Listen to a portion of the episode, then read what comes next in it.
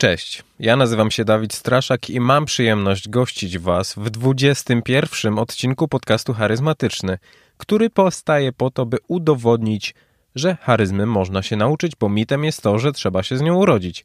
A gościem dzisiejszego odcinka jest Łukasz Choiński, z którym będę rozmawiał o tym, w jaki sposób ćwiczyć i jak dbać o siebie. Łukasz będzie w trakcie rozmowy odpowiadał na moje pytania dotyczące tego, kim jest trener personalny, czy obecnie mamy coś takiego jak moda na bycie fit, po co w ogóle ćwiczyć, jaką rolę pełni dieta w treningu i co robić, jeżeli chcemy schudnąć, a co robić, jeżeli chcemy nabrać mięśni. Oraz tutaj jedno z najczęściej zadawanych pytań do trenerów personalnych, jak zrobić kaloryfer. Będziemy też mówić o rozgrzewce i o rozciąganiu, będziemy mówić o kwestiach motywacyjnych, co robić w momencie, kiedy nie chce się iść na trening, albo dlaczego ludzie nie ćwiczą. Łukasz Choiński jest instruktorem rekreacji ruchowej o specjalności fitness, trenerem personalnym oraz doradcą dietetycznym i szkoleniowcem fitness z ponad 15-letnim stażem. Tworzy skuteczne programy treningowe i plany dietetyczne, o czym zaświadczają jego podopieczni, których teraz można liczyć w setkach. Dzieli się swoją wiedzą na social mediach, bo na Facebooku czy YouTubie można z Łukaszem, z Łukaszem poćwiczyć. Jest mocno nastawiony na swój rozwój, bo lista przebytych przez niego szkoleń, warsztatów czy konferencji jest bardzo długa. Osobiście dodam, że Łukasz jest bardzo sympatycznym i skromnym człowiekiem. Ale bez niepotrzebnych wstępów zapraszam do wysłuchania tego, czym Łukasz się ze mną podzielił. Miłego podcastu.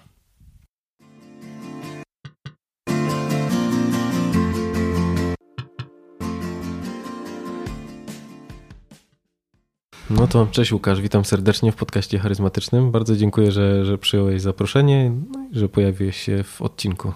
Witam, bardzo mi miło, bardzo się cieszę, że mogłem wziąć udział w tym odcinku. Na samym początku chciałbym Cię zapytać, yy, znaczy poprosić o to, żebyś się przedstawił, żebyś opowiedział o tym słuchaczom, czym się zajmujesz. Mm, ja nazywam się Łukasz Choiński, jestem doradcą dietetycznym, trenerem personalnym, szkoleniowcem fitness już z ponad 15-letnim stażem i w moim zawodzie zajmuję się pomaganiem podopiecznym zmieniać nawyki żywieniowe, e, uczyć jak trenować poprawnie na siłowni oraz zachęcać do aktywnego trybu życia. Mhm. Super. Dzisiaj chciałbym z Tobą porozmawiać na temat tego, w jaki sposób ćwiczyć i ogólnie o, o treningu, co on nam daje pod względem i, i fizycznym, i psychicznym. Też chciałbym trochę porozmawiać o, o tej stronie technicznej. E, no i tak naprawdę o wszystkim, co, co, co wpływa i pomoże nam w tym treningu, ale mm, chciałbym porozmawiać na samym początku o jednej z Twoich ról, czyli o tym, kim trener personalny jest, czym on się zajmuje, żebyśmy trochę przybliżyli ludziom tą, e, tą funkcję, no i, i może też im pomogli w momencie, żeby wiedzieli, z jakimi sprawami do takiego trenera e, się wybierać. Mhm. Generalnie trener personalny to jest taki z jednej strony motywator, z drugiej strony edukator. I e, w dzisiejszych czasach osoby, które chciałyby rozpocząć swoją ścieżkę z aktywnością fizyczną na siłowni szczególnie, to rola takiego trenera właśnie jest w, w tym, żeby wesprzeć te osoby, pokazać im, jak wykonywać dane ćwiczenia, przyjrzeć się nawykom żywieniowych danych osób, mhm. E, dzięki czemu po prostu mogą już na starcie robić pewne rzeczy poprawnie, nie tracąc czasu na popełnianie błędów, które często prowadzą do tego, że po prostu nie ma efektów, jeżeli chodzi o ćwiczenia. Albo można sobie zrobić krzywdę. Albo można sobie zrobić krzywdę. I kiedyś jeszcze nie tak dawno temu na siłowni były takie osoby, które się nazywały fitness instruktorzy, mhm. którzy po prostu, jeżeli cię przychodziło do siłowni, to byli odpowiedzialni za to, żeby zrobić takie wprowadzenie do klubu, pokazać jak sprzęty, które tam się znajdują, używać po prostu i układali jakiś taki pierwszy plan treningowy. Mhm. Dzisiaj przy tych siłowniach takich bardziej bezobsługowych już takie stanowisko w niemal większości klubów zostało zlikwidowane. E, no i osoba, która w ogóle nie miała doświadczenia z jakimś, jakimkolwiek ćwiczeniem, czy nigdy nie była na siłowni, po prostu często jest zagubiona i nie wie, jak tych sprzętów używać. Mhm. I taki trener personalny właśnie przydaje się do tego, żeby pokazać, wytłumaczyć i też e, nauczyć, jak po prostu ten wysiłek fizyczny zaplanować, żeby był efektywny. Mhm. Czyli w momencie, kiedy ja przychodzę, to najpierw rozmawiamy o tym, co jem, jak jem, jak często i potem e, ustalamy jakieś cele względem tego, co, co chciałbym osiągnąć? Mm, dokładnie. Tu trzeba znać punkt wyjściowy, od którego się zaczyna praktycznie, bo każdy z nas E, inaczej się odżywia, każdy z nas miał inne doświadczenia z aktywnością fizyczną.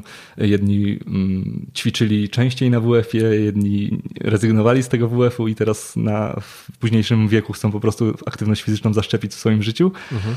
E, no i od tego trzeba zacząć po prostu. Trzeba poznać e, potopiecznego, na jakim jest etapie po prostu? Co wie, czy już kiedyś ćwiczył, czy dopiero to są pierwsze kroki, mhm. jak się odżywia, żeby po prostu od, zacząć e, od jego poziomu, żeby po prostu potem móc te możliwości zwiększać. Mhm. A często ci się zdarza, że przychodzą ludzie, którzy nigdy nie mieli doświadczenia ze sportem? Coraz częściej są takie osoby.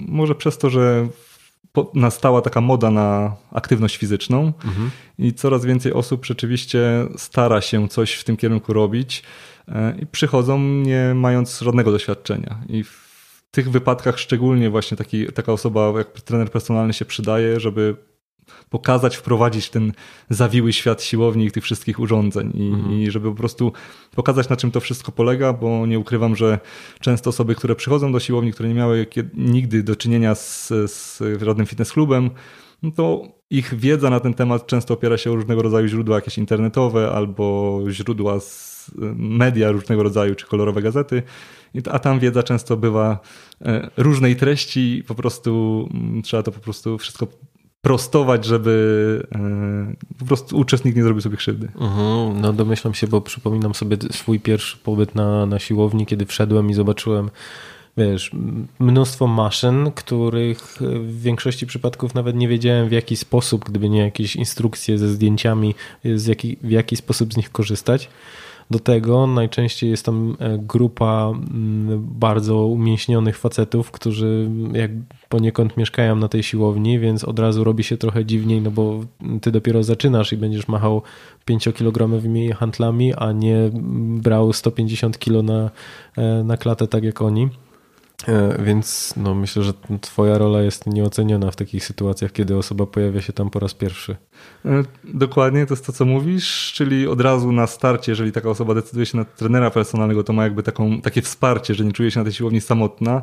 Aczkolwiek dużo osób, e, właśnie przez to, co powiedziałeś, przez to, że jest ta wizja, że tam jest dużo napakowanych panów, czy już osób, które są rzeczywiście bardzo wysportowane, często ma obawy przed przyjściem w ogóle na siłownię, czy zapisaniem się na, na, na siłownię. Mhm. Ja tu też jako trener personalny nie pracuję tylko na siłowni, też pracuję z klientami outdoorowo, na przykład, czy, czy, czy u nich w domu, no, czy też y, zachęcam internetowo osoby do podej podejmowania aktywności fizycznej, bo musimy pamiętać, że aktywność fizyczna to nie jest tylko siłownia i nie jest tylko pomieszczenie zamknięte, tylko rzeczywiście ruch możemy uskuteczniać w różnych warunkach. Ważne, żeby to po prostu robić i żeby każdy dobrał sobie coś, co mu odpowiada. Mhm, super. W jaki sposób wygląda mm, taka mm, Twoja pomoc w momencie, kiedy ktoś chce ćwiczyć w domu? E, takie osoby albo zgłaszają się do mnie jak do trenera personalnego, żeby ćwiczyć albo u siebie w domu na przykład i wtedy mhm. proces jest podobny jak na siłowni po prostu. Jest i ułożony plan dietetyczny, plan treningowy pod e, potrzeby danej osoby. Albo też dużo pracuję przez internet, czyli na swoim fanpage'u na Facebooku zachęcam, prowadząc chociażby jakieś e, treningi live na żywo do aktywności fizycznej, pokazując jak po prostu powinno się ćwiczyć. Okej, okay, super, super. Hm. Dobra, sam wspomniałeś o tym, e, o co, o co gdzieś tam w trakcie naszej rozmowy chciałem zapytać, czyli o tą modę na bycie fit. Co ty mhm. o tym sądzisz? Znaczy jest to dobry kierunek, bo jeszcze 10-15 mm, lat temu, jak pewnie zauważyłeś, spotkać jakąś osobę biegającą na zewnątrz czy jeżdżącą na rolkach, to rzeczywiście był duży wyczyn i taka osoba często wyglądała dziwnie, mhm. E, że po prostu jest ubrana w dres i biega po mieście. E, teraz ta świadomość taka, że jednak ten ruch jest nam potrzebny i że. Mm, coś trzeba w tym kierunku zrobić, żeby też zachowywać zdrowie na długie lata, poszerza się i dlatego coraz więcej osób myśli o tym, żeby coś, coś zrobić w tym kierunku. No i na szczęście y, coraz więcej osób podejmuje próby aktywności fizycznej. Mhm. No, to jest właśnie bardzo ciekawa historia w momencie, kiedy ja spotkałem się po raz pierwszy z ludźmi, którzy są przeciwnikami tego, tej mody na, na, na bycie fit, bo ja nie znajduję tutaj żadnego argumentu, który by mnie przekonywał do tego, dlaczego tego nie robić. No bo jakby rezultaty tego, że, że mm, znaczy wyniki tego, że uprawiamy aktywność fizyczną, zawsze są na korzyść. Oczywiście, jeżeli robimy to w e, sposób odpowiedzialny, no i jakby biorąc pod uwagę to, że, że nie chcemy zrobić sobie krzywdy, no to tak naprawdę czujemy się lepiej, wyglądamy lepiej, więc czemu nie? Znaczy ta moda jest, ma trochę swoich wad, ale to pod kątem tego, że często jeżeli taki przeciętny Kowalski, nazwijmy go, obserwuje na przykład jakieś profile instagramowe osób, które są na bardzo zaawansowanym poziomie i często są to sportowcy, często są to osoby, które rzeczywiście mają osiągnięcia sportowe w, chociażby w kulturystyce, no to często taka osoba może po prostu stwierdzać, że ten typ aktywności nie jest dla niej, bo widzi tą przepaść między sobą a daną mhm. osobą.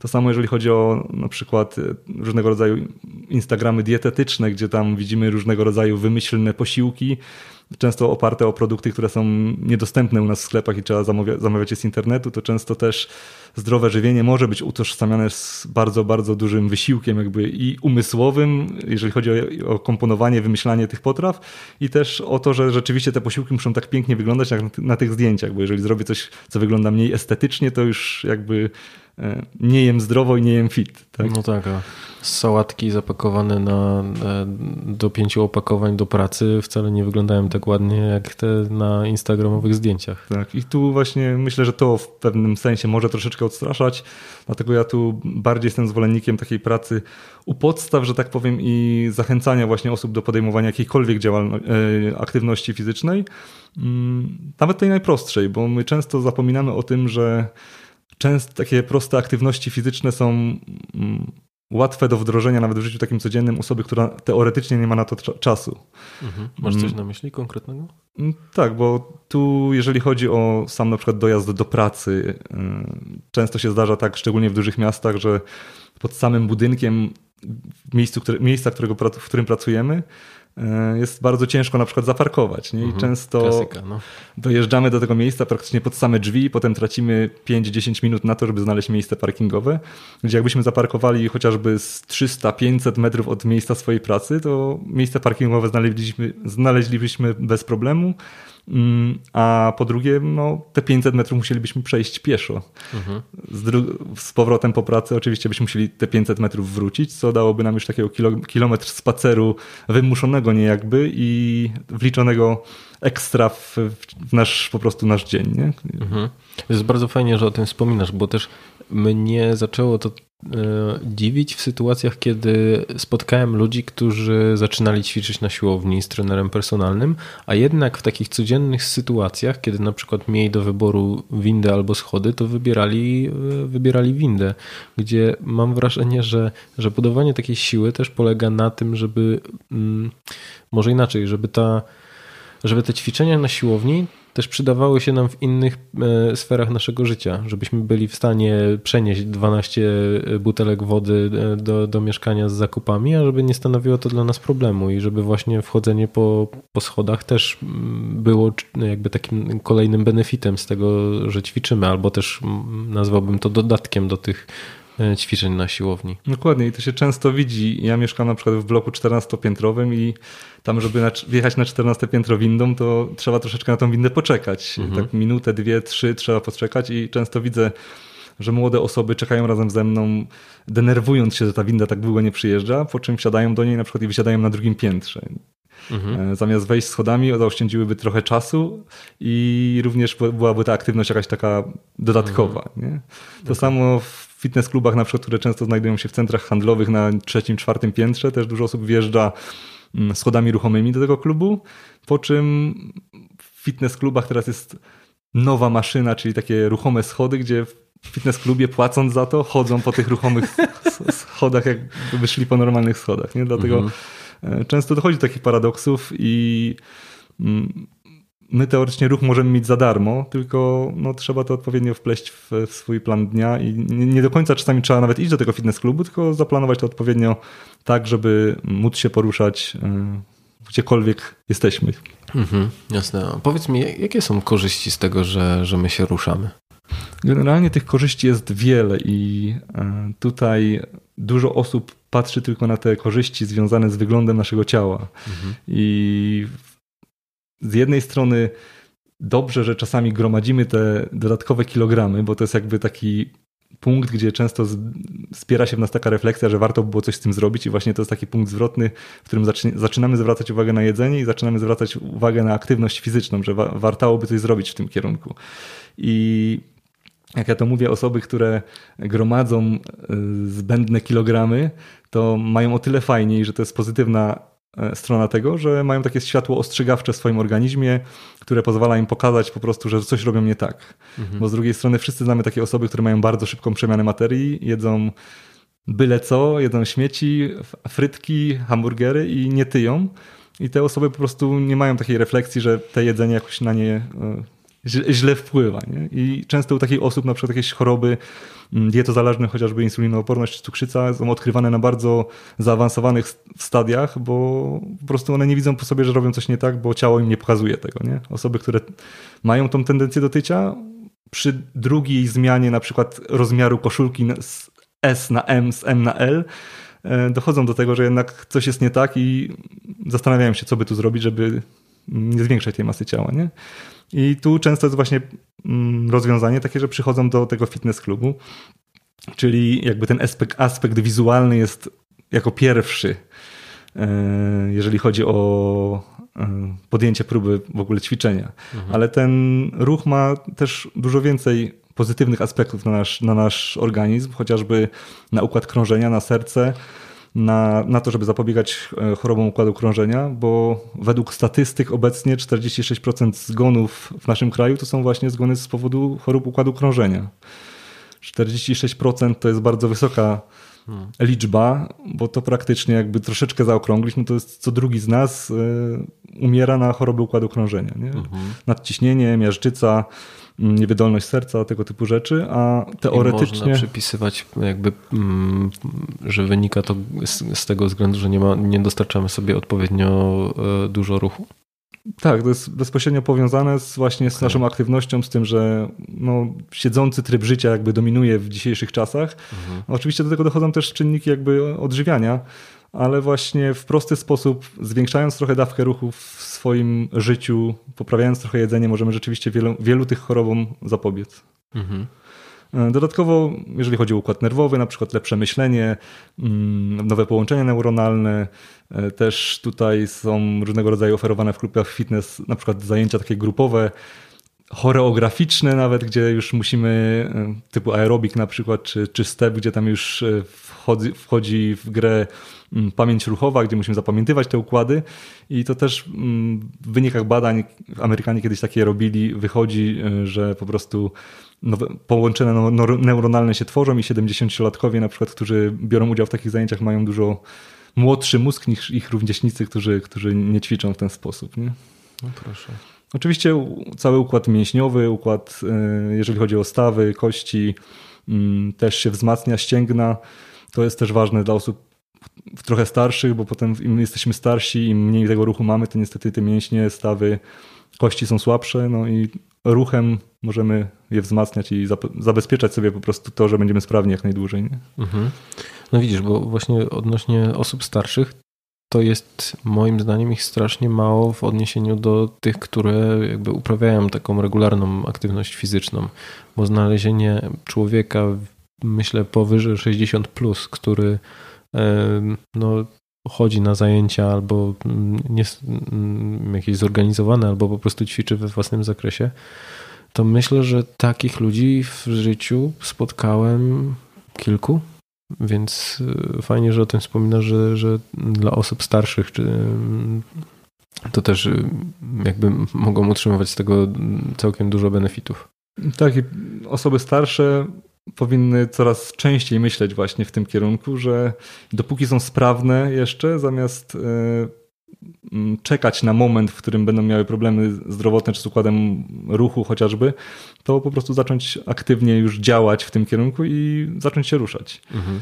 Mm, bo ten nawet niewielki ruch nie musi być konkretnie siłownia, aczkolwiek tutaj ćwiczenia wzmacniające, szczególnie u osób starszych, mają też swoje uzasadnienie e, po prostu wzmacniania mięśni, i, bo im jesteśmy starsi, tym ubytek masy mięśniowej jest większy i po prostu e, jeżeli nic nie robimy w tym kierunku, no to po prostu stajemy się słabsi. Mhm. I końcowym efekcie będziemy uzależnieni od osób trzecich po prostu, jeżeli jesteśmy, jeżeli jesteśmy mm, już w zaawansowanym wieku, a rzeczywiście osoby, które ćwiczą, które są aktywne 60, 70, 80, 90 lat, naprawdę mm, ich wiek biologiczny jest dużo, dużo mniejszy. Nie? Mhm. Okej, okay, jeszcze chciałbym podkreślić to, o czym ty wspomniałeś, że nie zawsze nam organizm daje taki sygnał ostrzegawczy. Ja myślę, że jestem mm, przykładem takiego człowieka, który w momencie, kiedy e, byłbym karmiony przez babcię e, przez, przez miesiąc, to mój organizm za bardzo, znaczy nie, nie przytyłbym, nie pojawiłby mi się brzuszek e, i ja spotkałem się z wieloma takimi osobami, które nie dostając tego ostrzeżenia, o którym wspominałeś, właśnie mówiły zawsze, że ja nie potrzebuję diety, ja nie potrzebuję ćwiczeń, bo ja nie tyję. Mhm. Więc fajnie, że, że podkreśliłeś, że jakby mm, nie zawsze pojawia się to, to ostrzeżenie ze strony własnego organizmu. One się prędzej czy później pojawi, ale nie w postaci jakby nadmiarnych kilogramów, ale mhm. nagle zacznie się, nie wiem, głowa zacznie boleć, pojawi się wysokie ciśnienie, no i potem okazuje się, że jednak te nieprawidłowe żywienie, mimo tego, że nie było tego, tej, e, tego sygnału, jeżeli chodzi o nadmierną masę tłuszczową, to jednak coś tam w organizmie dzieje się nie tak. No I potem te osoby rzeczywiście mają też problemy zdrowotne i o tym trzeba pamiętać, żeby czy tyjemy, czy nie tyjemy, żeby rzeczywiście e, zwrócić na to uwagę. Mhm. Ja się kiedyś spotkałem z takim określeniem, że najtrudniejsze w treningu fizycznym jest utrzymanie diety. I chciałbym Cię zapytać o to, co Ty o tym sądzisz. To fakt, i e, tutaj dużo osób jest w stanie nawet ćwiczyć kilka razy w tygodniu, mhm. nie zwracając uwagi na tę dietę. E, bo już rzeczywiście ten aspekt dietetyczny jest bardziej jakby pracochłonny i dopóki nie mamy takiej wprawy, to musimy e, troszeczkę czasu na to poświęcić. Mm, odżywianie jest ważne i jeżeli mamy tutaj osoby, które się chcą odchudzać na przykład, no to jeżeli byśmy rozpatrywali aktywność fizyczną i trening, to przy odchudzaniu rzeczywiście 70% sukcesu zależy od odpowiedniego odżywiania i często lepiej przy odchudzaniu na przykład e, zdrowo się odżywiać, dopasowanie do swojego zapotrzebowania kalorycznego, a w ogóle nie ćwiczyć, niż ćwiczyć dużo, a nie zwracać uwagi na jedzenie. Mhm. Bo możemy ćwiczyć dużo, a jedzeniem po prostu dobijać kalorycznie, że po prostu nie będzie żadnych efektów. Nie? Mm, także to żywienie ma bardzo, bardzo, mm, jest bardzo ważne po prostu w mm, naszym życiu i to ze względu na aspekty wizualne, ale też bardzo zdrowotne.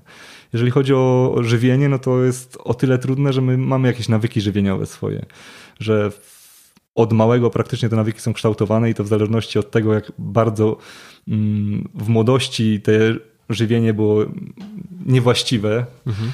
czy gotowały nam babcie według staropolskiej kuchni na przykład, czy, czy jak e, z tym żywieniem mieliśmy, jaki z tym żywieniem mieliśmy kontakt, no to tak potem funkcjonujemy dalej, bo działamy na nawykach i jak nie myślimy, to, to nasz jakby umysł podświadomy przejmuje władzę nad nami i jemy to, co jedliśmy wcześniej. Nie? Mhm.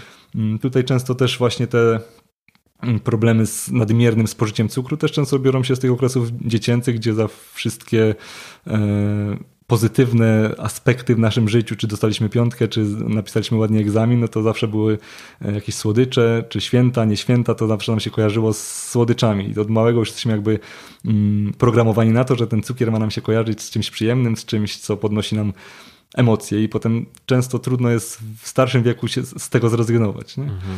E, tu jeżeli chodzi o dietetykę, no to jest o tyle trudno, że to i trzeba się nauczyć gotować, i trzeba jakby nauczyć się nowych przepisów kulinarnych, e, często może jakichś nowych produktów e, używać w kuchni, mm, a chociażby też w takim najprostszym mm, wymiarze nauczyć się po prostu, jak ten nasz posiłek powinien wyglądać, żeby nam służył. Czyli mhm. nawet jak pójdziemy do restauracji, żeby umieć ocenić, czy to, co kelner nam przyniósł na talerzu, czy to jest dla nas porcja odpowiednia, czy ona jest za duża, czy za mała. No i do tego już trzeba po prostu troszeczkę mm, zainteresowania w to włożyć, poczytać i po, pointeresować się po prostu tym. Mhm.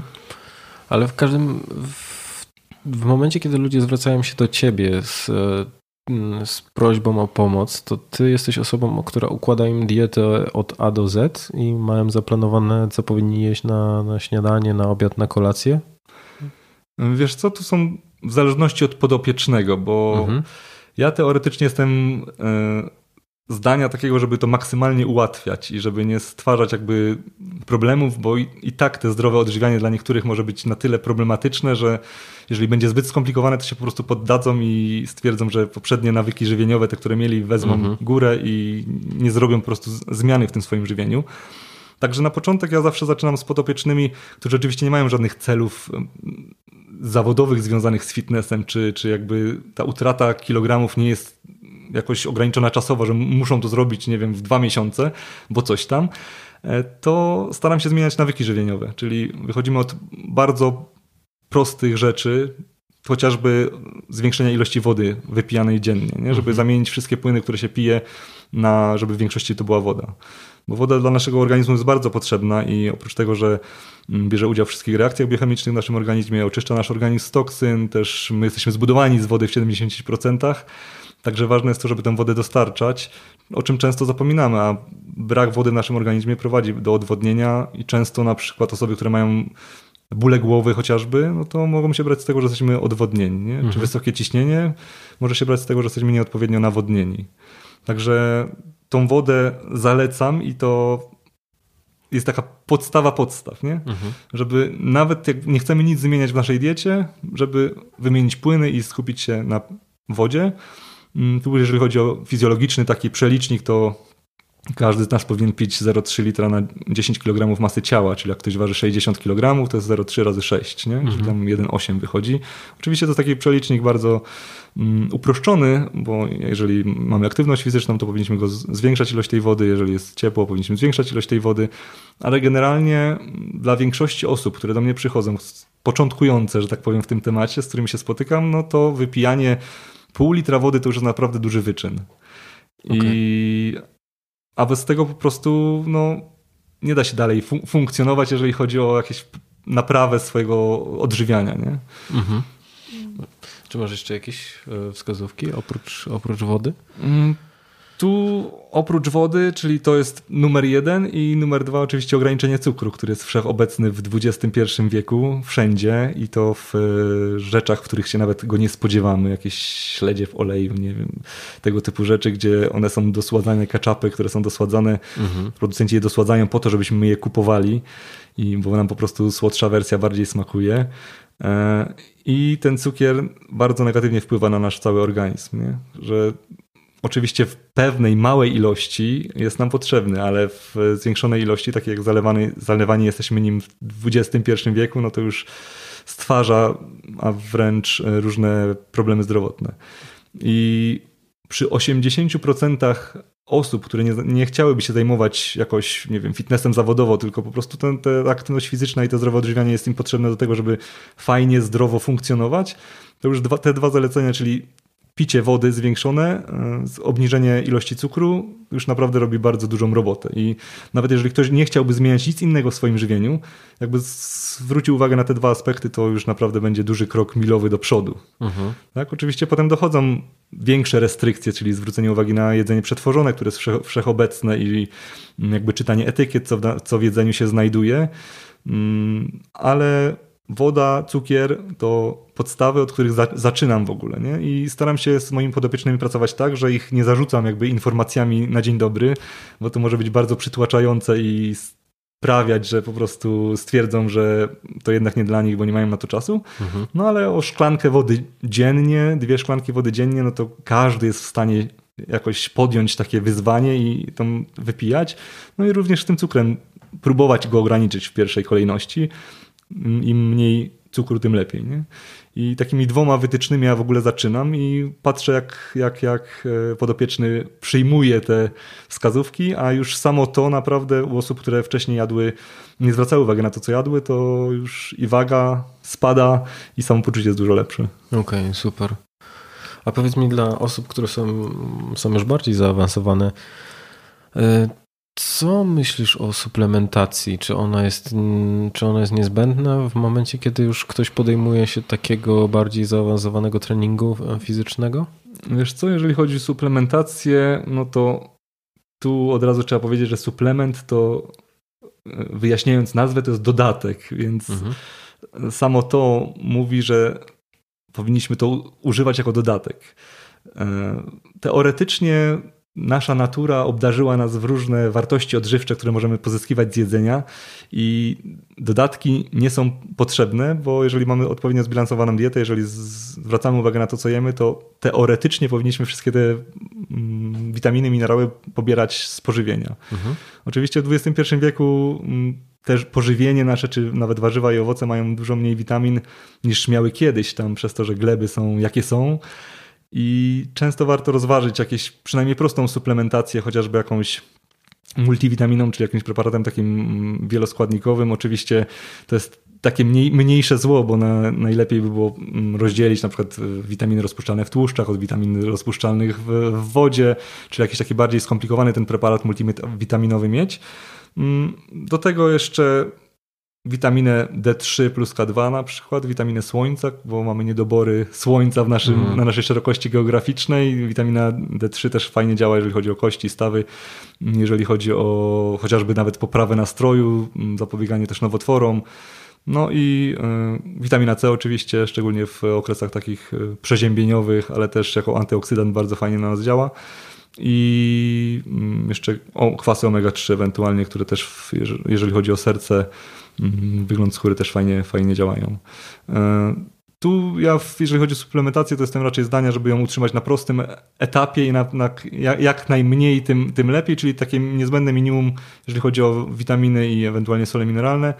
Mm, no oczywiście, że ktoś potem jest zawodowym już kulturystą, czy już myśli o tym, żeby jakieś poważniejsze e, osiągi na tej siłowni e, zdobywać, no to już odpowiednie odżywki dla sportowców tutaj wchodzą w grę. Aczkolwiek tu od razu muszę powiedzieć, bo często jest takie mm, taki przesąd, że jak zaczynam ćwiczyć na siłowni, to ja muszę spożywać białka dużo i muszę sobie kupić szejka białkowego, nie? I, I kreatynę, i kreatynę tak. I z tym szejkiem białkowym to ktoś chodzi na trzy razy w tygodniu na bieżnię, ale szejk białkowy musi być, bo białko odchudza na przykład, jeżeli chodzi o osoby odchudzające się. Nie? Mhm. Mm, czy białko buduje mięśnie? No, buduje mięśnie, aczkolwiek no, dla osób, które robią to bardziej rekreacyjne, to teoretycznie tej ilości białka jest w stanie nawet zwykłego pożywienia mm, otrzymać. No białko takie w, w, tych, w tych szejkach wszystkich ma tą zaletę, że po prostu jest szybciej wchłanialne. I jeżeli rzeczywiście mamy ciężki trening siłowy i nazrywamy sobie włókien mięśniowych, bo o to chodzi w wysiłku takim siłowym, no to te białko z takiego szejka jest szybciej wchłanialne, ale jeżeli mm, mamy zbilansowaną poprawnie dietę, jesteśmy osobą taką, która ćwiczy raczej rekreacyjnie, to, to tego typu suplementy też nam nie są nawet za bardzo potrzebne. Szczególnie tutaj też e, wzmianka o odchudzaniu, że same białko nie odchudza, to nie jest tak, że ja będę jadł obojętnie co wypijesz jak białkowy i 3 kg znikną z mojego ciała. Okej, okay, dobra. Czyli z, ze zdrowym rozsądkiem podchodzić do suplementacji. Ze zdrowym rozsądkiem podchodzić do suplementacji, rzeczywiście podchodzić do tego jako dodatku, i zbudować tą wcześniejszą bazę właśnie. E, czyli najpierw dieta, a dopiero potem Najpierw troszeczkę, troszeczkę chociaż wyczyścić tą dietę, czyli zwrócić uwagę na, na to, co jemy.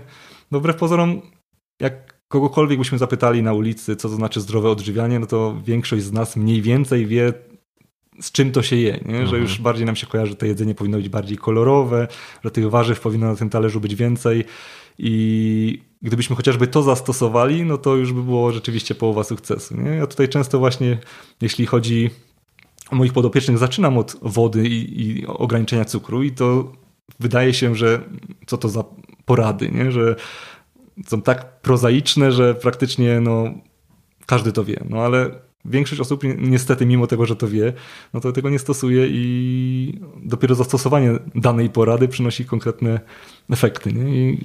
Znaczy właśnie ja się nie zgodzę z tym, że to jest prozaiczne, bo ja obserwuję ludzi, w jaki sposób oni się odżywiają. I bardzo często widzę, że po prostu to, że jakby ta ilość wody, którą sobie dostarczają, albo ilość cukru, w którą siebie pakują, jest bardzo duża. W sensie wody mało, dużo cukru.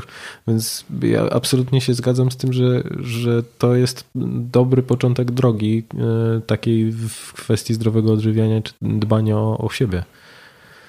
A powiedz mi, w momencie, kiedy ludzie przychodzą do ciebie, to z jakimi przeszkodami najczęściej ty się spotykasz? Dlaczego oni nie ćwiczyli, albo w momencie, kiedy się podejmują już współpracę z tobą, to co powstrzymuje ich od tego, od tego ćwiczenia w trakcie?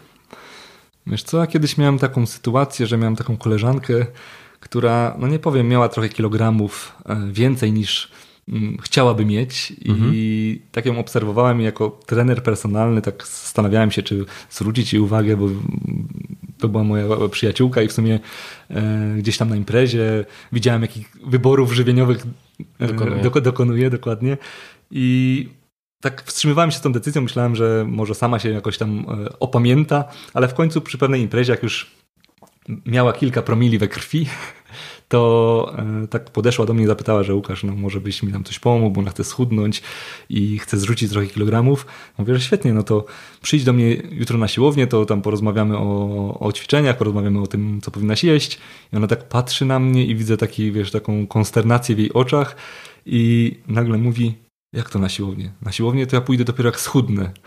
I wiesz, to dało mi do zrozumienia w ogóle, że ta siłownia często dla niektórych osób jest barierą, nie? że my się wstydzimy na nią pójść, że często mhm. jak to jest dla nas jakieś nowe środowisko, no to przez to, że właśnie nie wiemy, jak tam się zachować, nie wiemy, co tam się robi, często nam się właśnie wydaje, że tam e, modelki z pierwszych stron gazet, czy, czy właśnie Arnoldy Schwarzeneggery same ćwiczą i często mamy ten taki stres i w ogóle tą barierę, żeby przejść te drzwi do siłowni i w ogóle zasięgnąć jakieś porady. Nie? Mhm.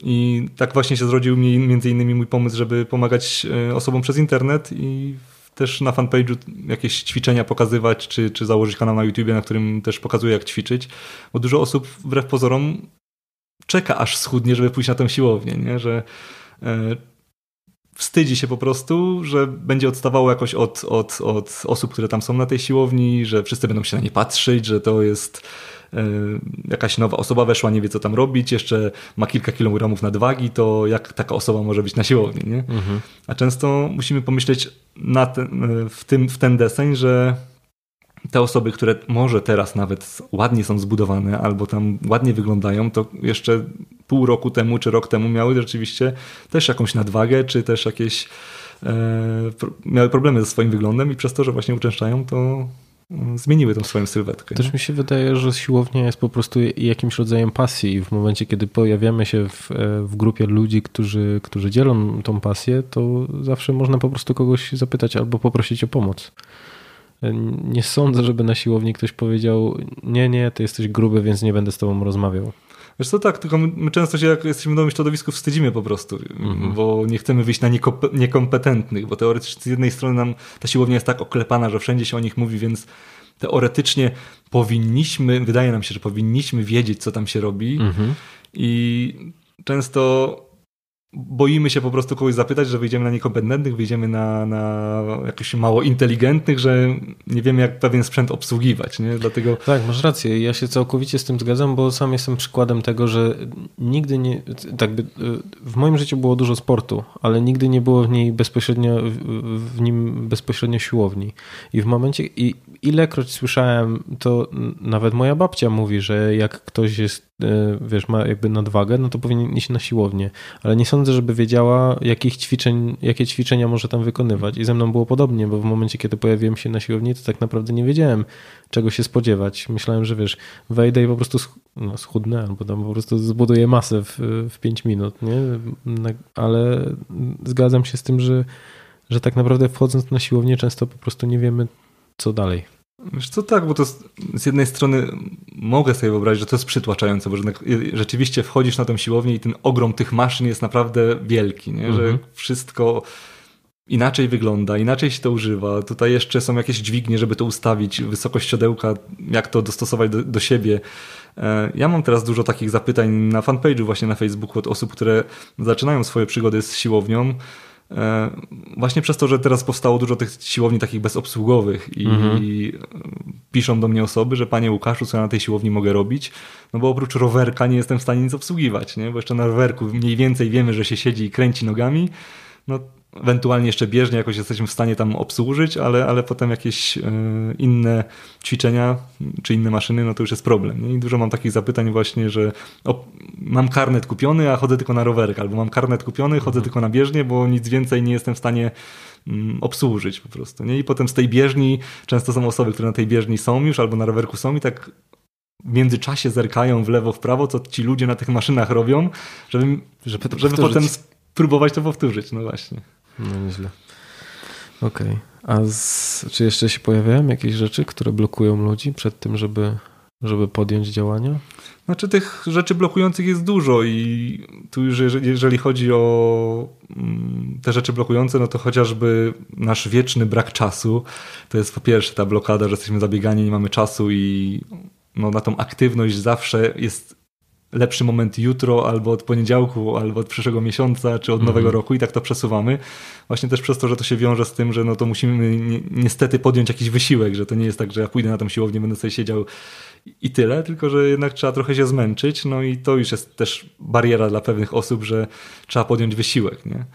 Barierą jest też to, że podejmując ten wysiłek, jakby nie widzimy tych efektów od razu, że siłownia to nie jest cudowny lek, że ja pójdę raz na jeden trening i wyjdę piękniejszy i w sylwetce, która, o której zawsze marzyłem. Nie? Że to mhm. musi być cały ciąg działań, musi być e, do tego mm, właśnie najlepiej usystematyzowany ten ciąg działań, dlatego tutaj jakiś plan treningowy, czy jakiś, e, tak jak w biznesie mamy e, plan działania, tak tutaj też na siłowni taki plan by się przydał, żebyśmy wiedzieli dokładnie, gdzie chcemy dojść. Od punktu, w którym teraz jesteśmy, gdzie chcemy dojść, jaki jest nasz cel, co my właściwie chcemy osiągnąć, bo od tego, co chcemy osiągnąć, to różne i metody treningowe się stosuje i różne rodzaje aktywności fizycznej możemy stosować. Nie?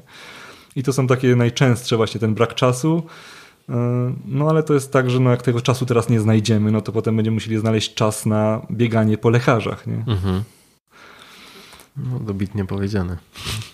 Także prędzej czy później nas to spotka i lepiej to po prostu zrobić wcześniej, spróbować polubić ten ruch i naprawdę teraz nawet jeżeli chodzi o fitness kluby, to jest taka możliwość wyboru. Niekoniecznie to musi być siłownia, jeżeli ktoś mm, nie może się zmotywować na przykład na siłowni, bo rzeczywiście jeżeli nie ma się tego trenera personalnego, nawet jak się wie co się ćwiczy i co się będzie tam robiło, no to trzeba rzeczywiście e, mieć te samo zaparcie, żeby dany plan treningowy wykonać. Mhm. Są teraz w fitness klubach też y, zajęcia grupowe, gdzie można pod okiem instruktorki w grupie osób ćwiczyć, które też mają różnego rodzaju zajęcia, czy to wzmacniające, czy to jakieś bardziej taneczne, kto lubi sobie potańczyć.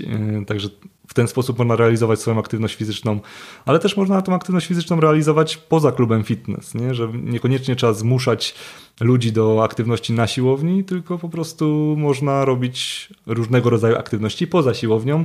I do tego właśnie zachęcam moich podopiecznych, szczególnie tych, który, z którymi pracuję gdzieś tam mm, poza siłownią, nie? że mm, ten rodzaj ruchu powinien sprawiać nam przyjemność, bo tylko jeżeli to nam będzie sprawiało przyjemność, no to będziemy to chętniej wykonywać. I mhm. czy to jest jakiś taniec, czy to jest jazda na rowerze, czy to jest jakaś jazda na rolkach, czy chociażby pobiegać sobie gdzieś tam wokoło bloku, no to to jest już taki rodzaj ruchu, który rzeczywiście i pozytywnie wpływa na ten układ krążenia, który, którego zaniedbanie może prowadzić właśnie do poważnych chorób układu krążenia i też e, wpływa korzystnie na nasz cały organizm. Nie? W momencie, kiedy no, główne pytanie tego, tego odcinka, w jaki sposób ćwiczyć? I chciałbym to rozgraniczyć na jakby dwie części. Na ćwiczenie w momencie, kiedy chcemy zwiększyć masę mięśniową, no i w momencie, kiedy chcemy, chcemy schudnąć. Czy może jakieś takie ogólne wytyczne, który, jaki rodzaj ćwiczeń, jaki rodzaj aktywności fizycznych w, w obu tych przypadkach powinniśmy ustosunkowywać? Mm, to zacznijmy może od budowania masy mięśniowej. No. Tu, tu, jeżeli chodzi o budowanie masy mięśniowej, no to jest ten problem, że żeby zbudować masę mięśniową, my musimy przeciążać nasz organizm, czyli musimy e, zmuszać nasz organizm do większych obciążeń niż robimy to na co dzień. Tak? -hmm. Bo nasz organizm jakby jest przystosowany do e, funkcjonowania naszego codziennego. Jeżeli chcemy zwiększyć masę mięśniową, to musimy go troszeczkę dać mu pewne wyzwania. E, można to w pewnym stopniu zrobić, jeżeli ktoś nie chce ćwiczyć na siłowni, zrobić w, w treningu domowym na przykład, chociażby robiąc takie no, ćwiczenia jak pompki, podciągania się, bo te ćwiczenia są tego, tymi, tymi ćwiczeniami, które zmuszają nas właśnie do większego zaangażowania włókien mięśniowych. E, ale w pewnym etapie osoby, które już są na wyższym poziomie, jeżeli chodzi o taki trening domowy, które są praktycznie w stanie zrobić wszystko, czyli podciągnąć się tam z 50 razy, na przykład zrobić 150 pompek, że ten układ mięśniowy jest na tyle wzmocniony, to żeby potem dalej go rozbudowywać, musimy dołączać obciążenie zewnętrzne, no i wtedy właśnie chcąc czy nie chcąc czeka nas wizyta na siłowni, nie? że tam mhm. możemy tego obciążenia sobie do, dorzucać ile chcemy, bo mm, i wielkość handli możemy zwiększać, czy, czy obciążeń na maszynach. Z treningiem podbudowania masy mięśniowej wiąże się nieodłącznie efekt, e, elementy diety, czyli to, co jemy, bo żeby budować masę mięśniową, musimy jeść więcej niż nasze zapotrzebowanie kaloryczne wynosi, żeby organizm miał z czego to budować po prostu. Nie?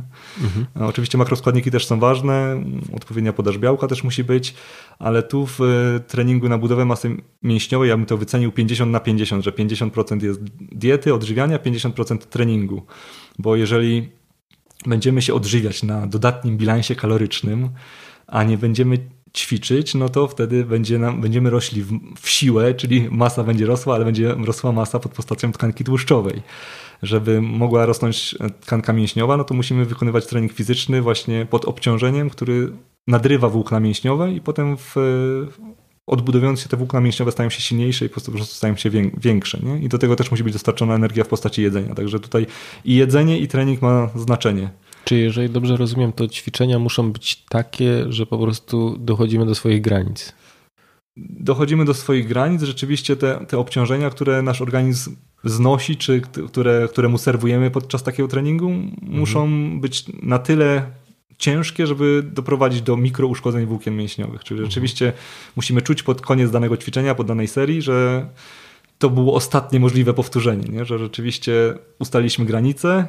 Mało tego, potem na każdym treningu, jeżeli się da, to powinniśmy tą granicę troszeczkę przekraczać, żeby zmuszać organizm do wyjścia ze swojej strefy komfortu, żeby po prostu mhm. się roz, roz, rozwijał. Nie? Dobra. Jeżeli... jak dużo serii wykonywać w przypadku takiego ćwiczy... ćwiczeń na, na, na rozrost masy? E, wiesz co, tutaj jest bardzo indywidualne podejście, w zależności od oczywiście od jakichś priorytetów treningowych, czy od tego, co dana osoba chce uzyskać tak średnio w takim klasycznym, najprostszym planie mm. treningowym to zazwyczaj osoby na siłowni robią trzy serie, na przykład po 10-12 powtórzeń, czyli taki to jest ten zakres na budowę masy mięśniowej.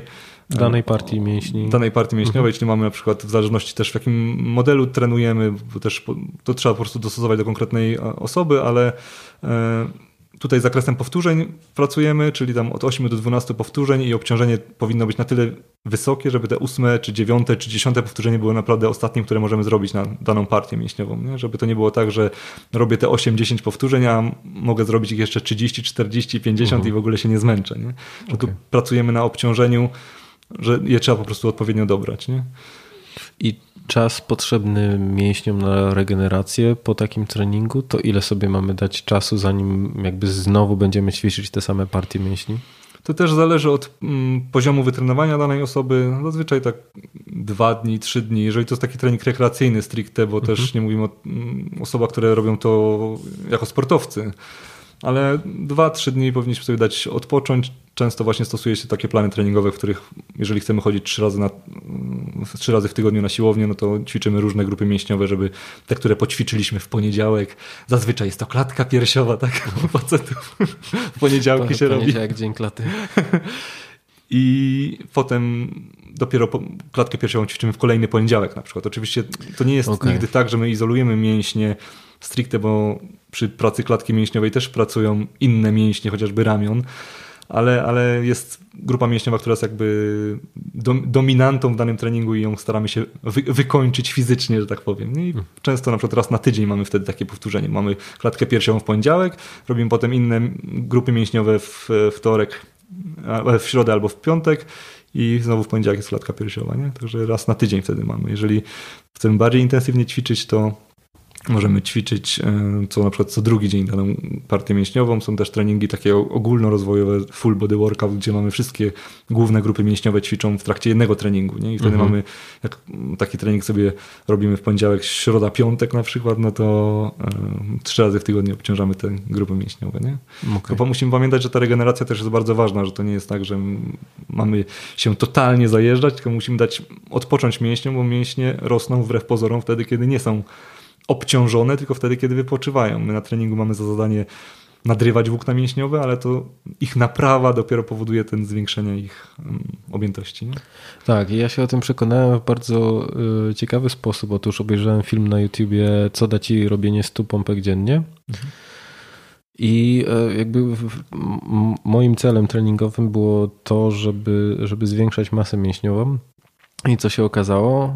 W filmie było jasno powiedziane, że nie da mi tego, co chciałbym osiągnąć. I tam yy, ja codziennie wykonywałem te 100 pompek, co prawda trzy serie po 33, yy, e, ale w, po obejrzeniu tego filmu tam zaproponowano, żeby robić przy jakby no, w, bardziej zaawansowaną wersję pompki, czyli w momencie, kiedy nogi są wyżej niż cała reszta, przy, przy większym obciążeniu i przy trzech seriach i zmniejszeniu ilości powtórzeń do właśnie, tak jak mówisz, 10-12, dać sobie czas na odpoczynek mniej więcej dwa dni.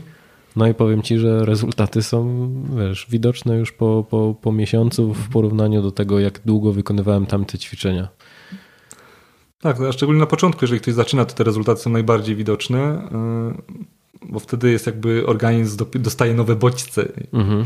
i wtedy rzeczywiście jak naj, najbardziej widać ten przyrost masy mięśniowej. Potem im dłużej ćwiczymy, no to ten przyrost masy mięśniowej już nie jest tak wielki po prostu, ale no, żeby organizm musi rozwijać, musi być ten bodziec cały czas. Nie? Dlatego mówiłem o tym treningu domowym, gdzie można robić te pompki, ale w pewnym momencie dojdziemy do takiej wprawy, w cudzysłowie, że musimy się dociążyć troszeczkę, żeby jeszcze większych bodźców jakby siłowych dostarczyć sobie. Nie możemy poprosić kogoś, żeby na przykład na nas usiadł i mamy dodatkowe uh -huh. kilkanaście kilogramów obciążenia.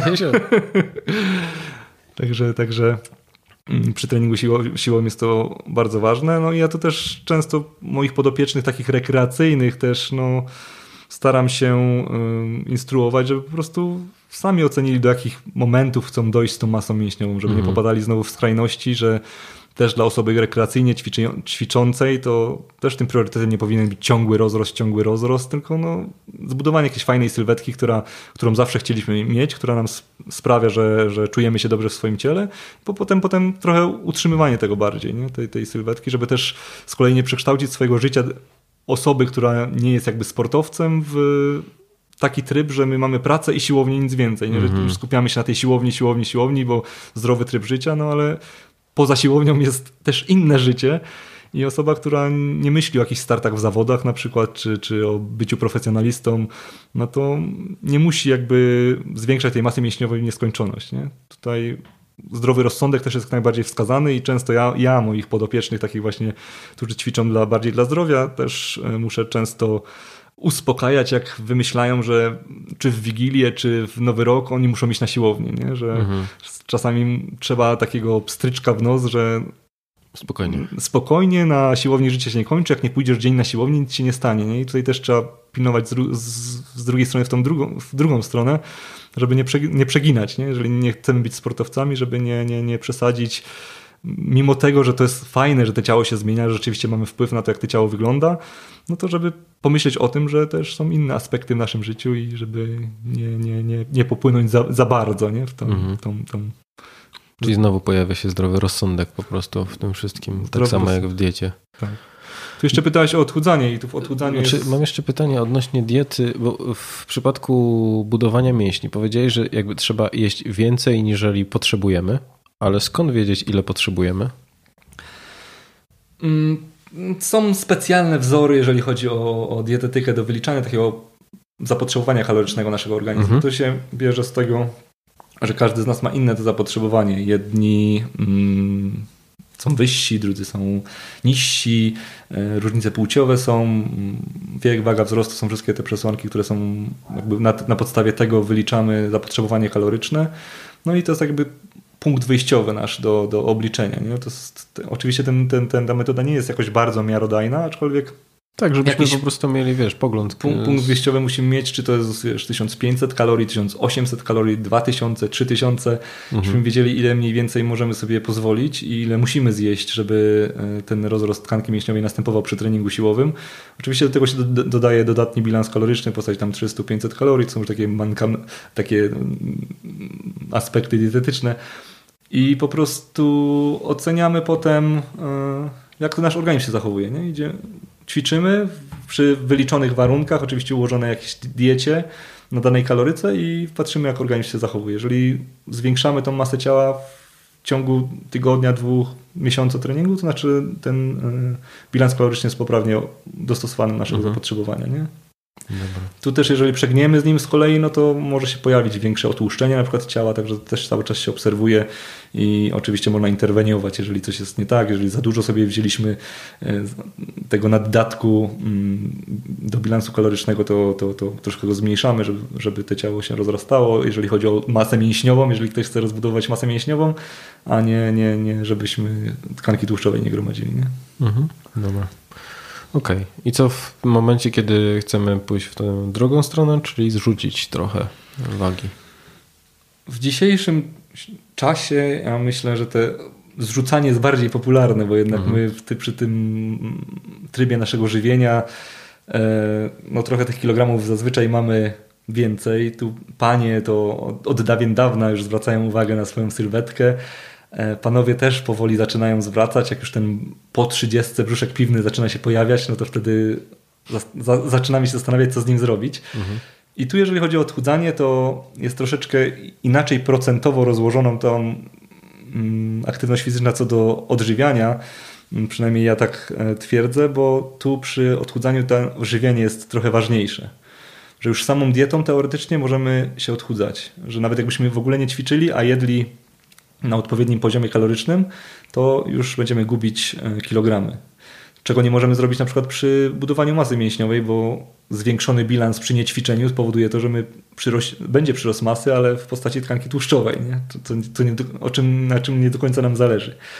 A jeżeli chodzi o odchudzanie, to właśnie mm, tak 70% właśnie to zdrowe odżywianie, dostosowane energetycznie też do naszego zapotrzebowania, mhm. tylko wtedy to obliczamy w drugą stronę, czyli też ta podstawowa przemiana materii, którą mamy, potem tam liczymy całkowitą przemianę materii, mm, którą, która bierze pod, pod uwagę już naszą aktywność, tryb pracy y, w ciągu dnia i tam liczymy deficyt kaloryczny, czyli odejmujemy, liczymy y, tą kalorykę w dół, troszeczkę taki deficyt, który pozwoli nam na gubienie zbędnych kilogramów. Mhm. No i tu trening fizyczny też jest jak najbardziej potrzebny. Też między innymi po to, że przy dietach redukcyjnych, czyli przy dietach, które mają niską kalorykę, oczywiście tutaj nie zalecam jakichś katorżniczych diet, które są na bardzo niskiej kaloryce, aczkolwiek przy każdym deficycie kalorycznym jest taka pokusa dla organizmu, że on będzie się pozbywał tkanki mięśniowej.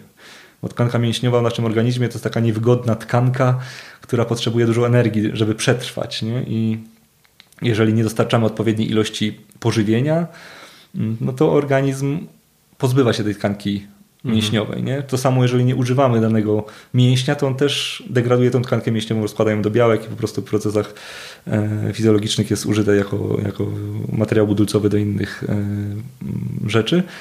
No chociażby to fajnie widać, jak ktoś miał nogę kiedykolwiek w gipsie, że włożymy tą nogę do gipsu na 6 tygodni, nie używamy jej, no to jak ją wyciągamy z tego gipsu, to jest dużo chudsza niż ta, która była używana, nie?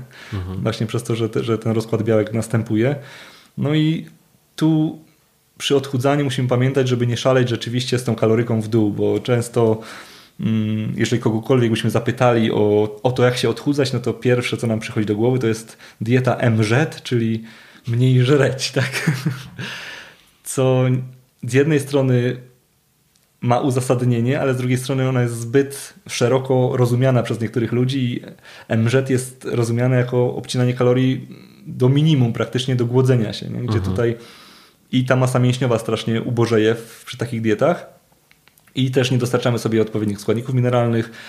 co potem powoduje właśnie jakieś niedobory w naszym organizmie, także często osobom na takich katorżniczych dietach zaczynają wypadać włosy, bo jest na przykład za mało żelaza, czy paznokcie się kruszą nie? i nie wiadomo od czego to jest, a to właśnie dlatego, że nie dostarczamy składników odżywczych.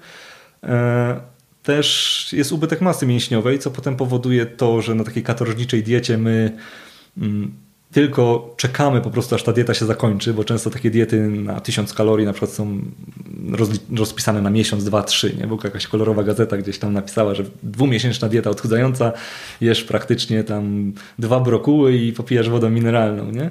I często je, jesteśmy w stanie wytrzymać ten miesiąc, dwa, trzy, ale przez tę niską kalorykę właśnie tkanka mięśniowa ulega degradacji i potem my tylko odliczamy, kiedy ta dieta się skończy. Jak się już skończy, no to wracamy do tego żywienia, które mieliśmy przed dietą. Mhm. A w aspekcie takim, że przez tą dietę właśnie tej tkanki mięśniowej jest już troszeczkę mniej niż było przed dietą, no to jakby tym jedzeniem, które jedliśmy wcześniej, to jemy jeszcze szybciej, bo nie mamy tego składnika, który właśnie energetycznie odbiera te, te pożywienie. Nie? Także efekt jojo wtedy dlatego jest ze zdwojoną siłą. Niektórzy mówią, że schudli 5 kg, a potem szybko zyskali 10 kolejnych. Nie? Mhm. I to na, to na tym mniej więcej polega.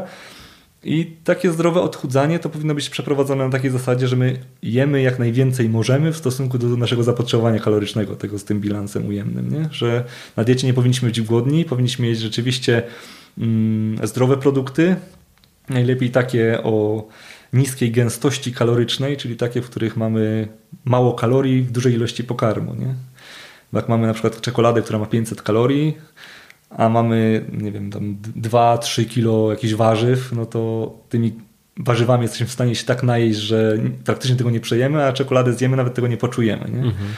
I, I właśnie tutaj przy dietach redukcyjnych to jest ważne, żeby umieć używać takich pokarmów, które rzeczywiście dadzą nam tą sytość, że nie czujemy się, że jesteśmy na diecie, tylko praktycznie jesteśmy, jesteśmy najedzeni, a ten bilans kaloryczny ujemny jest zachowany. Nie? To już jest takie, taka przesłanka do tego, żeby kilogramy spadały w dół, a do tego dokładamy jeszcze aktywność fizyczną, która dodatkowo jakby zwiększa ten ujemny bilans kaloryczny, ale też dba o to, żeby właśnie tkanka mięśniowa e, była jak najbardziej zachowana, żebyśmy jak najmniej jej stracili nie? przy mhm. tym procesie redukcji właśnie.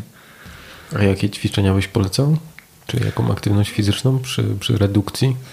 Przy redukcji najlepiej sprawdzają się ćwiczenia wielostawowe, czyli tu nie bawiłbym się w jakieś, nawet jeżeli ktoś idzie na siłownię, na przykład w ćwiczenia bicepsa czy tricepsa, bo to są grupy mięśniowe, które no, są małe i zużywają mało energii, tylko bardziej ćwiczenia wielostawowe, czyli jakieś przysiady, na przykład wykroki, bo tego typu ćwiczenia, jeżeli chodzi o dolną partię mięśniową, angażują dużo grup mięśniowych, mięsień pośladkowy, czworogłowy, dwugłowy, mm, czy właśnie jakieś podciągania, jakieś treningi pleców, klatki piersiowej, bo to są grupy mięśniowe, które używają dużo energii. Mm, tu od razu taka e, rada dla osób, które chcą zgubić tkankę tłuszczową z brzucha, bo to jest częste postanowienie noworoczne też między innymi. I zrobić kaloryfer? Zrobić kaloryfer, tak. To często przychodzi nam do głowy coś takiego, że jak chcemy zgubić tkankę tłuszczową z brzucha, to musimy robić brzuszki i robić brzuszków 100, 200, 300, 500, najlepiej trzy razy dziennie. Nie? Mhm. Niestety to samo to ćwiczenie jest tak nisko energetyczne, tak mało energii jest potrzebne, że my za dużo tych kalorii podczas robienia brzuszków, nawet jakbyśmy ich zrobili tysiąc, nie, nie, nie tracimy. Nie? I teoretycznie więcej kalorii spalamy, jeżeli zrobimy przysiad, wykrok i tak nie możemy sobie wybrać z tej partii ciała, my ten tłuszcz będziemy spalać. To, to, nie działa tak, że jak ja będę pracował lewym bicepsem, to lewy biceps będzie szczuplutki, a, a prawy będzie tak jak był, tak, że ta tkanka mhm. tłuszczowa z lewej ręki zniknie nagle tylko organizm sobie fizjologicznie sam bierze energię do, do życia po prostu z różnych partii naszego ciała. I tak samo jest przy brzuchu. Lepiej trzymać dietę redukcyjną i robić przysiady, pompki i ćwiczenia, które naprawdę nas męczą i które używają dużo energii, bo dużo szybciej spalimy tą tkankę tłuszczową z brzucha niż robiąc zwykłe e, brzuszki. Nie? Także ja tu nawet teoretycznie, jeżeli ktoś ma trochę większą otyłość, no to nawet tych brzuchów nie ma sensu robić i warto się skupić na takich ćwiczeniach, które rzeczywiście zużywają energię. Nie? Mhm. I przy, przy dietach redukcyjnych musimy skupiać się na takich ćwiczeniach, które zużywają energię. Im więcej tej energii zużyjesz, tym lepiej.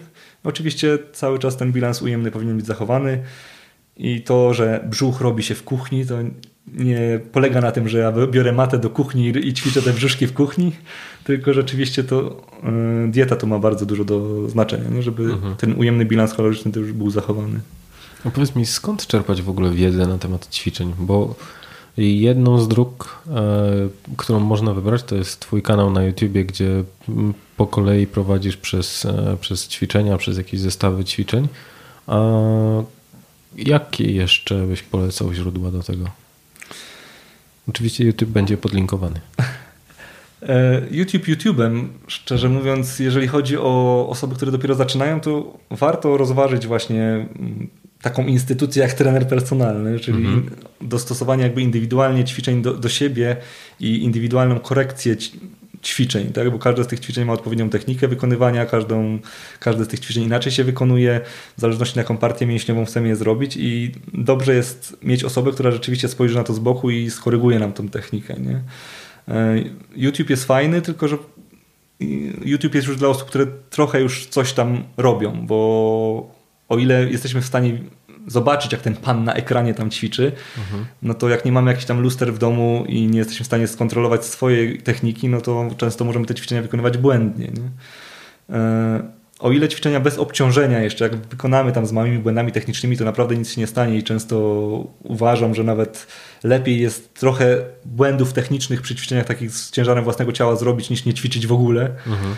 Mm, to jeżeli już się zabieramy za jakieś większe obciążenia, no to wtedy należałoby mieć już taką pewność, że robimy to dobrze. Nie? E, Oczywiście, jeżeli ktoś ćwiczy w domu, można też skorzystać z jakichś tam porad e, online na przykład. Jeżeli ktoś nie chce iść na siłownię, warto wtedy e, ćwicząc po prostu pokazać siebie, żeby ktoś z boku patrząc mógł skorygować, ktoś, kto się na tym zna, skorygować naszą, naszą technikę. Nie?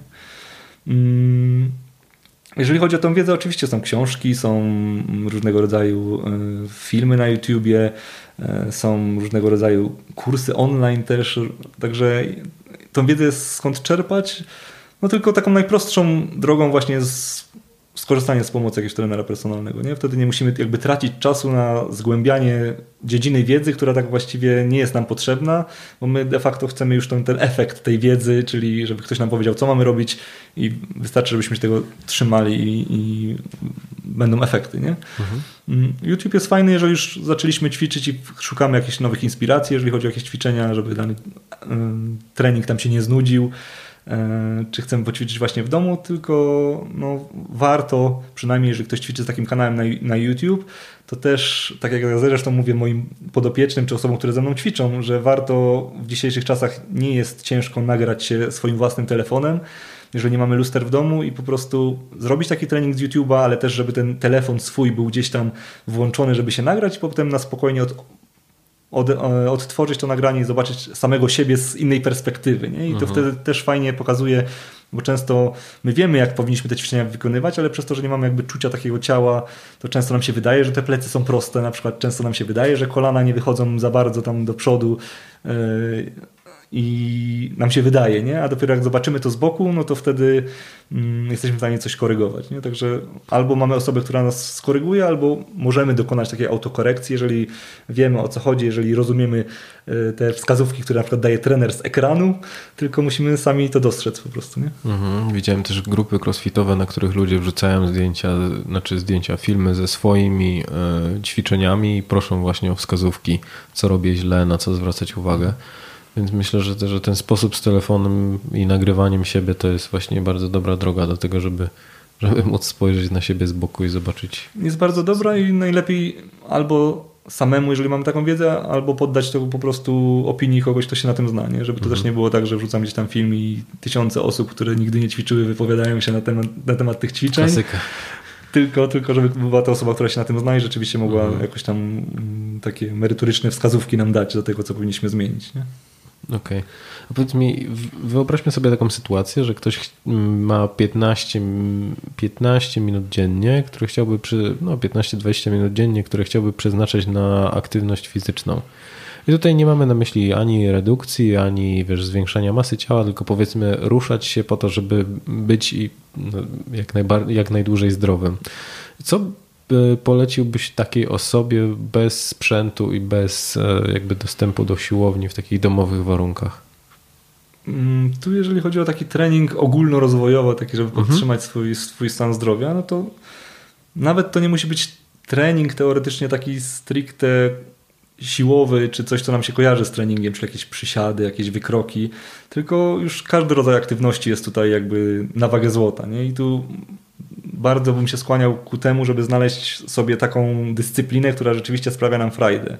Jak ktoś nie lubi pływać, no to nie zmuszać się do tego pływania, tylko po prostu znaleźć coś, co sprawia radość. Mhm. E, chociażby jakieś właśnie spacery, czy jakieś bieganie, jazda na rowerze, cokolwiek możemy mm, sobie znaleźć żeby w tym krótkim okresie czasu chociaż tej aktywności fizycznej było mm, tro, troszeczkę. Nie? Jeżeli mamy 20-30 minut, to są zestawy ćwiczeń, jeżeli chcemy ćwiczyć krótkie i intensywne. Wtedy, jeżeli chcemy uzyskać fajne efekty, to musimy postawić na intensywność i w minimum czasu po prostu maksymalnie się zmęczyć.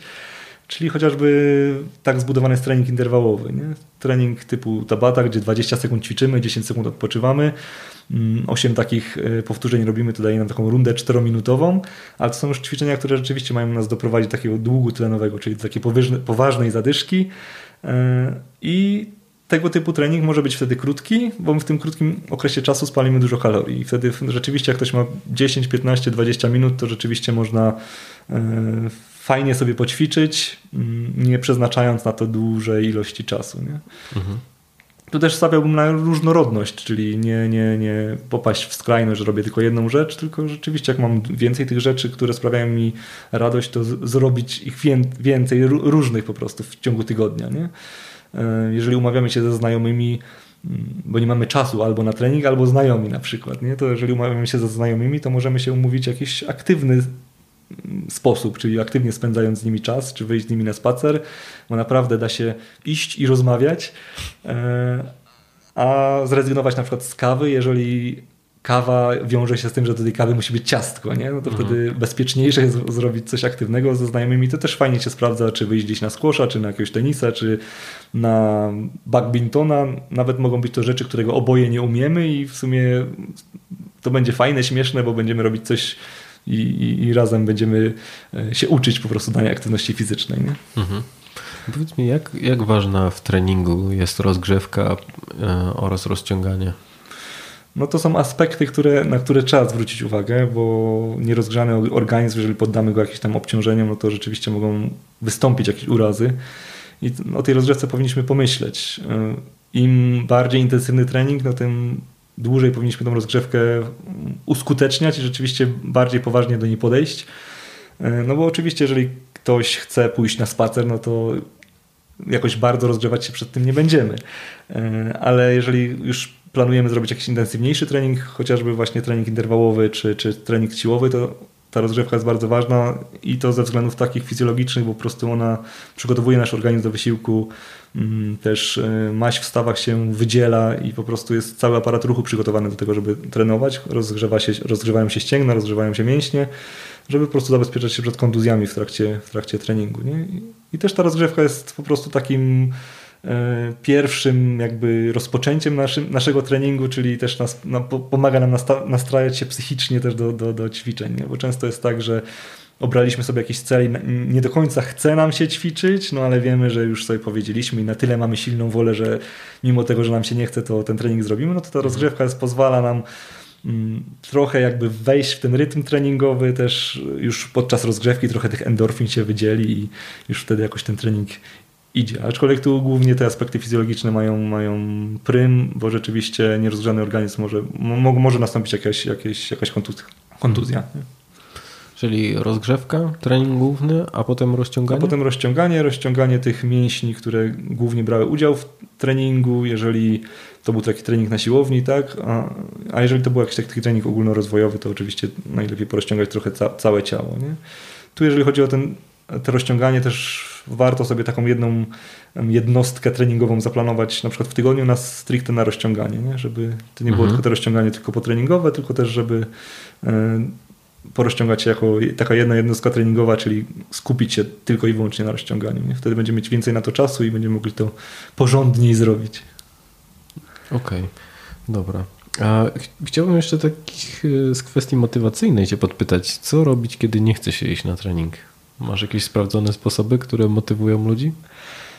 No właśnie, często tak jest, że nam się nie chce na ten trening iść, e, szczególnie mm, jeżeli zaczęliśmy, no, z treningiem siłowym i z kształtowaniem ciała jest to, że no, niestety tych efektów nie ma od razu, tak? że to nie jest jeden, dwa treningi i już wyglądamy super. I tu często ta motywacja pierwsza, którą jakby mamy na początku, bo decydujemy się pójść na tą siłownię, często trochę opada przez to, że nie mamy takich efektów, jakbyśmy oczekiwali, bo każdy mhm. z nas w dzisiejszym świecie jest e, nastawiony na szybkie efekty i chcemy wszystko szybko i już najlepiej a tu jednak ten proces jest długotrwały i powinniśmy się nastawić na trochę dłuższy ten proces. E, no takim motywatorem po pierwsze jest w ogóle zaplanowanie dobre treningu, nie? że ja sobie z góry na dany tydzień wpisuję w kalendarz, kiedy ja ćwiczę, o której ćwiczę, co ćwiczę, gdzie ćwiczę i mamy już taką wytyczną, że, ta, że ten kalendarz nam przypomina o tym, że powinniśmy coś tam zrobić. I jeżeli już mamy to zaplanowane, to już jest mniejsza szansa tego, że my zaczniemy coś tam odkładać na później, czyli nie mhm. będzie, że jutro, jutro, jutro, tylko wiem, że środa 17 mam iść na siłownię, no to jak środa 17 wybija, no to już czuję, że jestem na siłowni. powinienem to zrobić, że jestem na siłowni, tak, że czuję to, że muszę to zrobić i jest jakby większa szansa, że w ogóle pójdziemy tam, tak. Mhm. Tą motywacją może być też e, takie właśnie szersze myślenie o tym wszystkim, że to nie jest tylko i wyłącznie dla poprawy naszego ciała, tylko taki szerszy pogląd na nasze zdrowie ogólnie, e, aczkolwiek tu już potrzebna jest naprawdę duża świadomość. E, no i motywacją też może być to, że my się z kimś umówimy na tej siłowni, nie? że to albo może być trener, motywator, który na nas czeka i, i będzie nas motywował w trakcie treningu, albo może być też druga osoba, kolega, koleżanka, którą razem e, obiecujemy sobie, że będziemy na tę siłownię chodzić i razem będziemy się dopingować. Także często jest tak, że te spadki motywacji nie następują u dwóch osób jednocześnie, tylko jednej się chce bardziej, drugiej się chce mniej i wtedy tej osobie, która chce się, której chce się bardziej jest odpowiedzialna za to, żeby zmotywować tą drugą do, do działania i, i po prostu um, razem wykonać taki trening. Nie? Mhm, mhm. Ja pamiętam, że w momencie mi bardzo pomagają w takich sytuacjach spadków motywacyjnych, kiedy mam zaplanowany trening, a jednak wiesz, pada albo jest zimno i po prostu nie mam ochoty, żeby, żeby dojść na, na, na miejsce, w którym ćwiczę.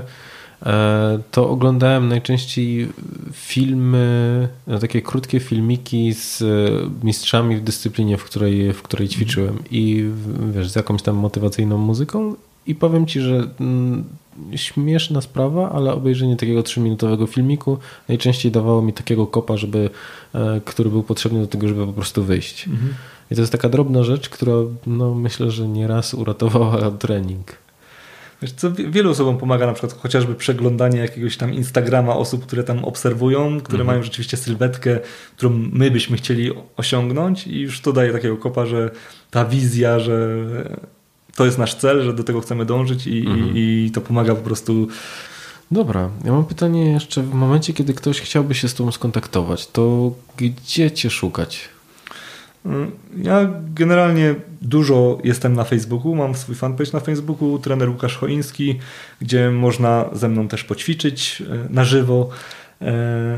Na YouTubie tam mam swój kanał, na którym też właśnie proponuję różnego rodzaju ćwiczenia i tu i dla osób początkujących, i dla osób bardziej zaawansowanych, także jeżeli ktoś jest osobą początkującą, to tam warto, żeby przeglądał filmiki z dopiskiem początkujący, żeby mhm. też nie rzucić się na głęboką wodę od razu. Mm, I strona internetowa trenerłukaszwaliński.pl. To są te główne źródła, gdzie można mieć ze mną kontakt i potem oczywiście, jeżeli ktoś napisze jakąś wiadomość czy coś, to chętnie odpowiadam. Okej. Okay. Wszystkie, wszystkie linki do, e, do stron, które, które podał Łukasz będą też podlinkowane, podlinkowane na stronie e, i we wszystkich social mediach zapewne. No dobra. No i pytanie, które zadaję wszystkim swoim gościom, czyli czym dla Ciebie jest charyzma? Wiesz co, charyzma tak kojarzy mi się. E, charyzma jest czymś tak, taką cechą po prostu, która mm, jeżeli ktoś ją ma, to osoby chętnie za tą daną osobą podążają, że charyzma to jest taka cecha charakteru, która pozwala jakby być liderem, która, który, który ciągnie sobą inne osoby. Nie? To, jest osoba charyzmatyczna, czyli taka, która umie wyrazić swoje zdanie, umie uargumentować to zdanie i też e, umie przekonać innych do swojego sposobu patrzenia, swojego, swojej wizji, dzięki czemu mm, wyróżnia się z tłumu i jest w stanie pociągnąć innych do, do, do działania. Mhm. Myślisz, że można charyzmy się nauczyć? Wydaje mi się, że tak, że to nie jest. Znaczy, wydaje mi się, że jedne osoby mają to wrodzone jakby z, z uwarunkowań może jak, w jakich się wychowywały, czy z jakichś doświadczeń może w młodym wieku, mhm. aczkolwiek w starszym wieku jak najbardziej też można się nauczyć e, działań w kierunku tego, żeby być bardziej charyzmatycznym. No tutaj też trzeba mieć jakąś takie silne poczucie jakiegoś celu, tego co chce się zrobić żeby, i tym po prostu zarażać innych. Mhm. Okej, okay, super. Dobra, to dziękuję Ci bardzo Łukasz za, za, za ten wywiad. No, myślę, że Mam nadzieję, że, że wiele osób znajdzie, znajdzie w tym wartość i też motywację do tego, żeby, żeby zaczęły ćwiczyć. No, jeżeli tej motywacji też brakuje Wam, to możecie przeglądając social media e, Łukasza spojrzeć na przemiany które, jego podopiecznych, które, które też są tam publikowane. No więc jeszcze raz dziękuję. Dziękuję bardzo i dbajmy o siebie i jakbyśmy mieli chociażby dwie tutaj informacje z tego podcastu wyciągnąć, to zwiększmy tą ilość wypijanej wody, zmniejszmy ilość cukru i to już będzie naprawdę połowa sukcesu, jeżeli chodzi o nasze aspekty zdrowotne i samopoczucie. No i super. To trzymamy kciuki za Was. Dobra, dzięki. Dziękuję bardzo ale zanim wybierzecie się na, na kolejny trening albo zrobicie dietetyczne zakupy, to chciałem Wam serdecznie podziękować. Zwłaszcza, że podcast charyzmatyczny ma już rok i dokładnie w dzień urodzin, czyli 12 lutego, w, na liczniku odtworzeń pojawiła się magiczna liczba 20 tysięcy. Więc dziękuję za to, że jesteście i dziękuję za to, że słuchacie. Ale jeżeli chcielibyście się dowiedzieć, co tam słychać z podcastem charyzmatycznym w międzyczasie, to zapraszam Was do, do social mediów, na Facebooka, na Instagrama czy na, na LinkedIn. E, podcast charyzmatyczny też pojawił się na YouTubie w, w pełni, więc to jest kolejne miejsce, w którym możecie go szukać. Dziękuję bardzo i do usłyszenia w następnym odcinku. Cześć!